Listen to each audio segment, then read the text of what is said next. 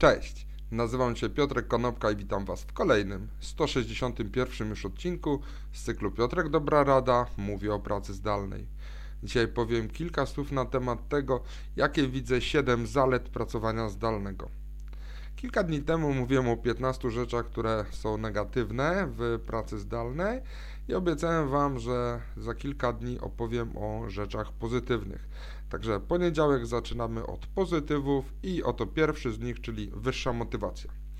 Jeżeli już przyzwyczaicie się do wstawania, jedzenia śniadania i nie stania w korkach, odkryjecie, że jesteście o wiele bardziej zmotywowani. Nie musicie się nigdzie spieszyć.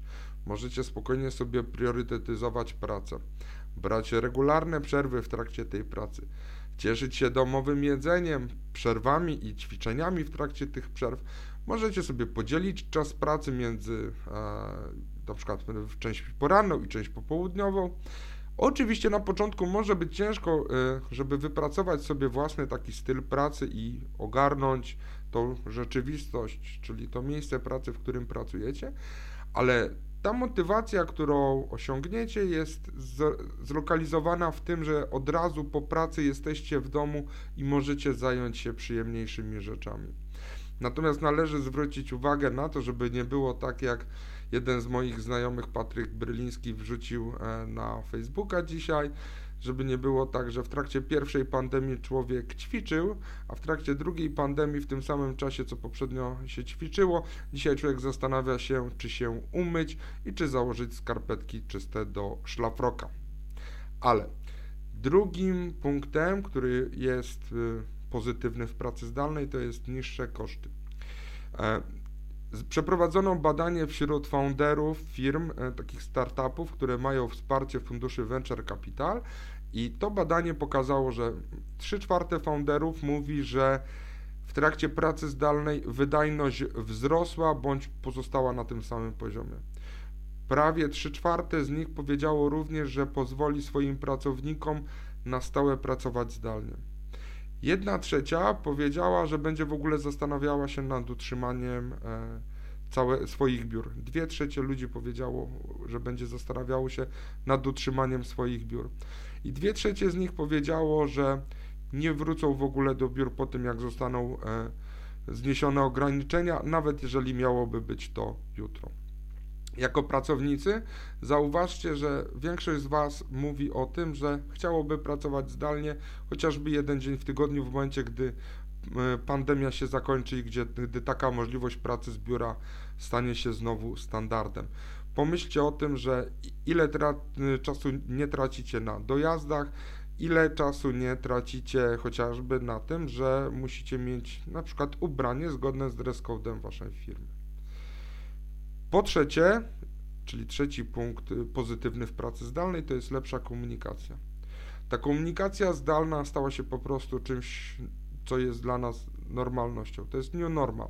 Nawet starsze osoby, które są odcięte od życia i siedzą w domach i nie muszą pracować, nagle zorientowały się, że korzystanie ze zdalnej komunikacji do kontaktu ze swoją rodziną rozproszoną po kraju czy po świecie jest dla nich olbrzymim ułatwieniem. Dodatkowo firmy, które prowadzą e, czy produkują oprogramowanie do pracy i do kontaktu zdalnego, wprowadzają nowe funkcjonalności, które uprzyjemniają nam tą pracę. Firmy w momencie, gdy wszyscy pracujemy w modelu zdalnym czy w modelu rozproszonym, zastanawiają się nad nowymi sposobami komunikacji z rynkiem. Pojawiają się coraz ciekawsze kampanie reklamowe, na przykład oparte o e-mail marketing. Także ta komunikacja się mocno poprawia i mocno rozwinęła. Po czwarte, lepiej zarządzamy czasem, albo właściwie lepiej zarządzamy sobą w czasie. Błąd, który jest popełniany przy pracy zdalnej przez nowicjuszy pracy zdalnej jest taki, że ludzie myślą, że pracując zdalnie nie mamy swoich harmonogramów, kalendarzy, nie mamy swoich rutyn, ale mamy. Po pierwsze, wiemy, że wolność w pracy zdalnej wcale nie oznacza prokrastynacji. Zadania to zadania, nieważne skąd się pracuje, a praca się sama nie zrobi. Wielu z nas nauczyło się, że nawet draft harmonogramu zadań pomaga w dokończeniu tych zadań. Ale jeżeli to wszystko sobie dobrze poukładamy i zaplanujemy na tym, przerwami w pracy, zarówno tymi oczekiwanymi, jak i nieoczekiwanymi, to ta produktywność, o którą firmy się tak boją, pozostanie na pożądanym poziomie. Piąty punkt, który jest pozytywny w pracy zdalnej, to jest rozwój zawodowy.